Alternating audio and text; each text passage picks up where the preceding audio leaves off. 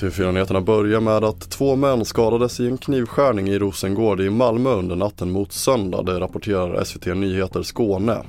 Ett larm kom till polis och ambulans om att en knivskärning ägt rum i Malmö enligt en källa på plats och två män fördes till Skånes universitetssjukhus i Malmö med stick och skärskador och skadeläget för männen är fortfarande okänt. Flera polispatruller uppges ha deltagit i insatsen och det är ännu oklart om någon har gripits.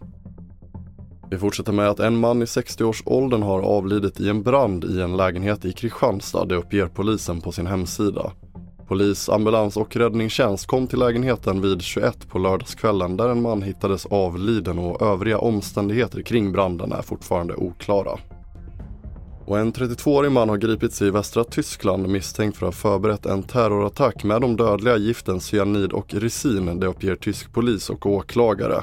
Mannen misstänks ha förberett ett allvarligt våldsdåd som hotade statens säkerhet genom att skaffa cyanid och resin i syfte att begå en islamistisk attack, det skriver utredarna i ett pressmeddelande.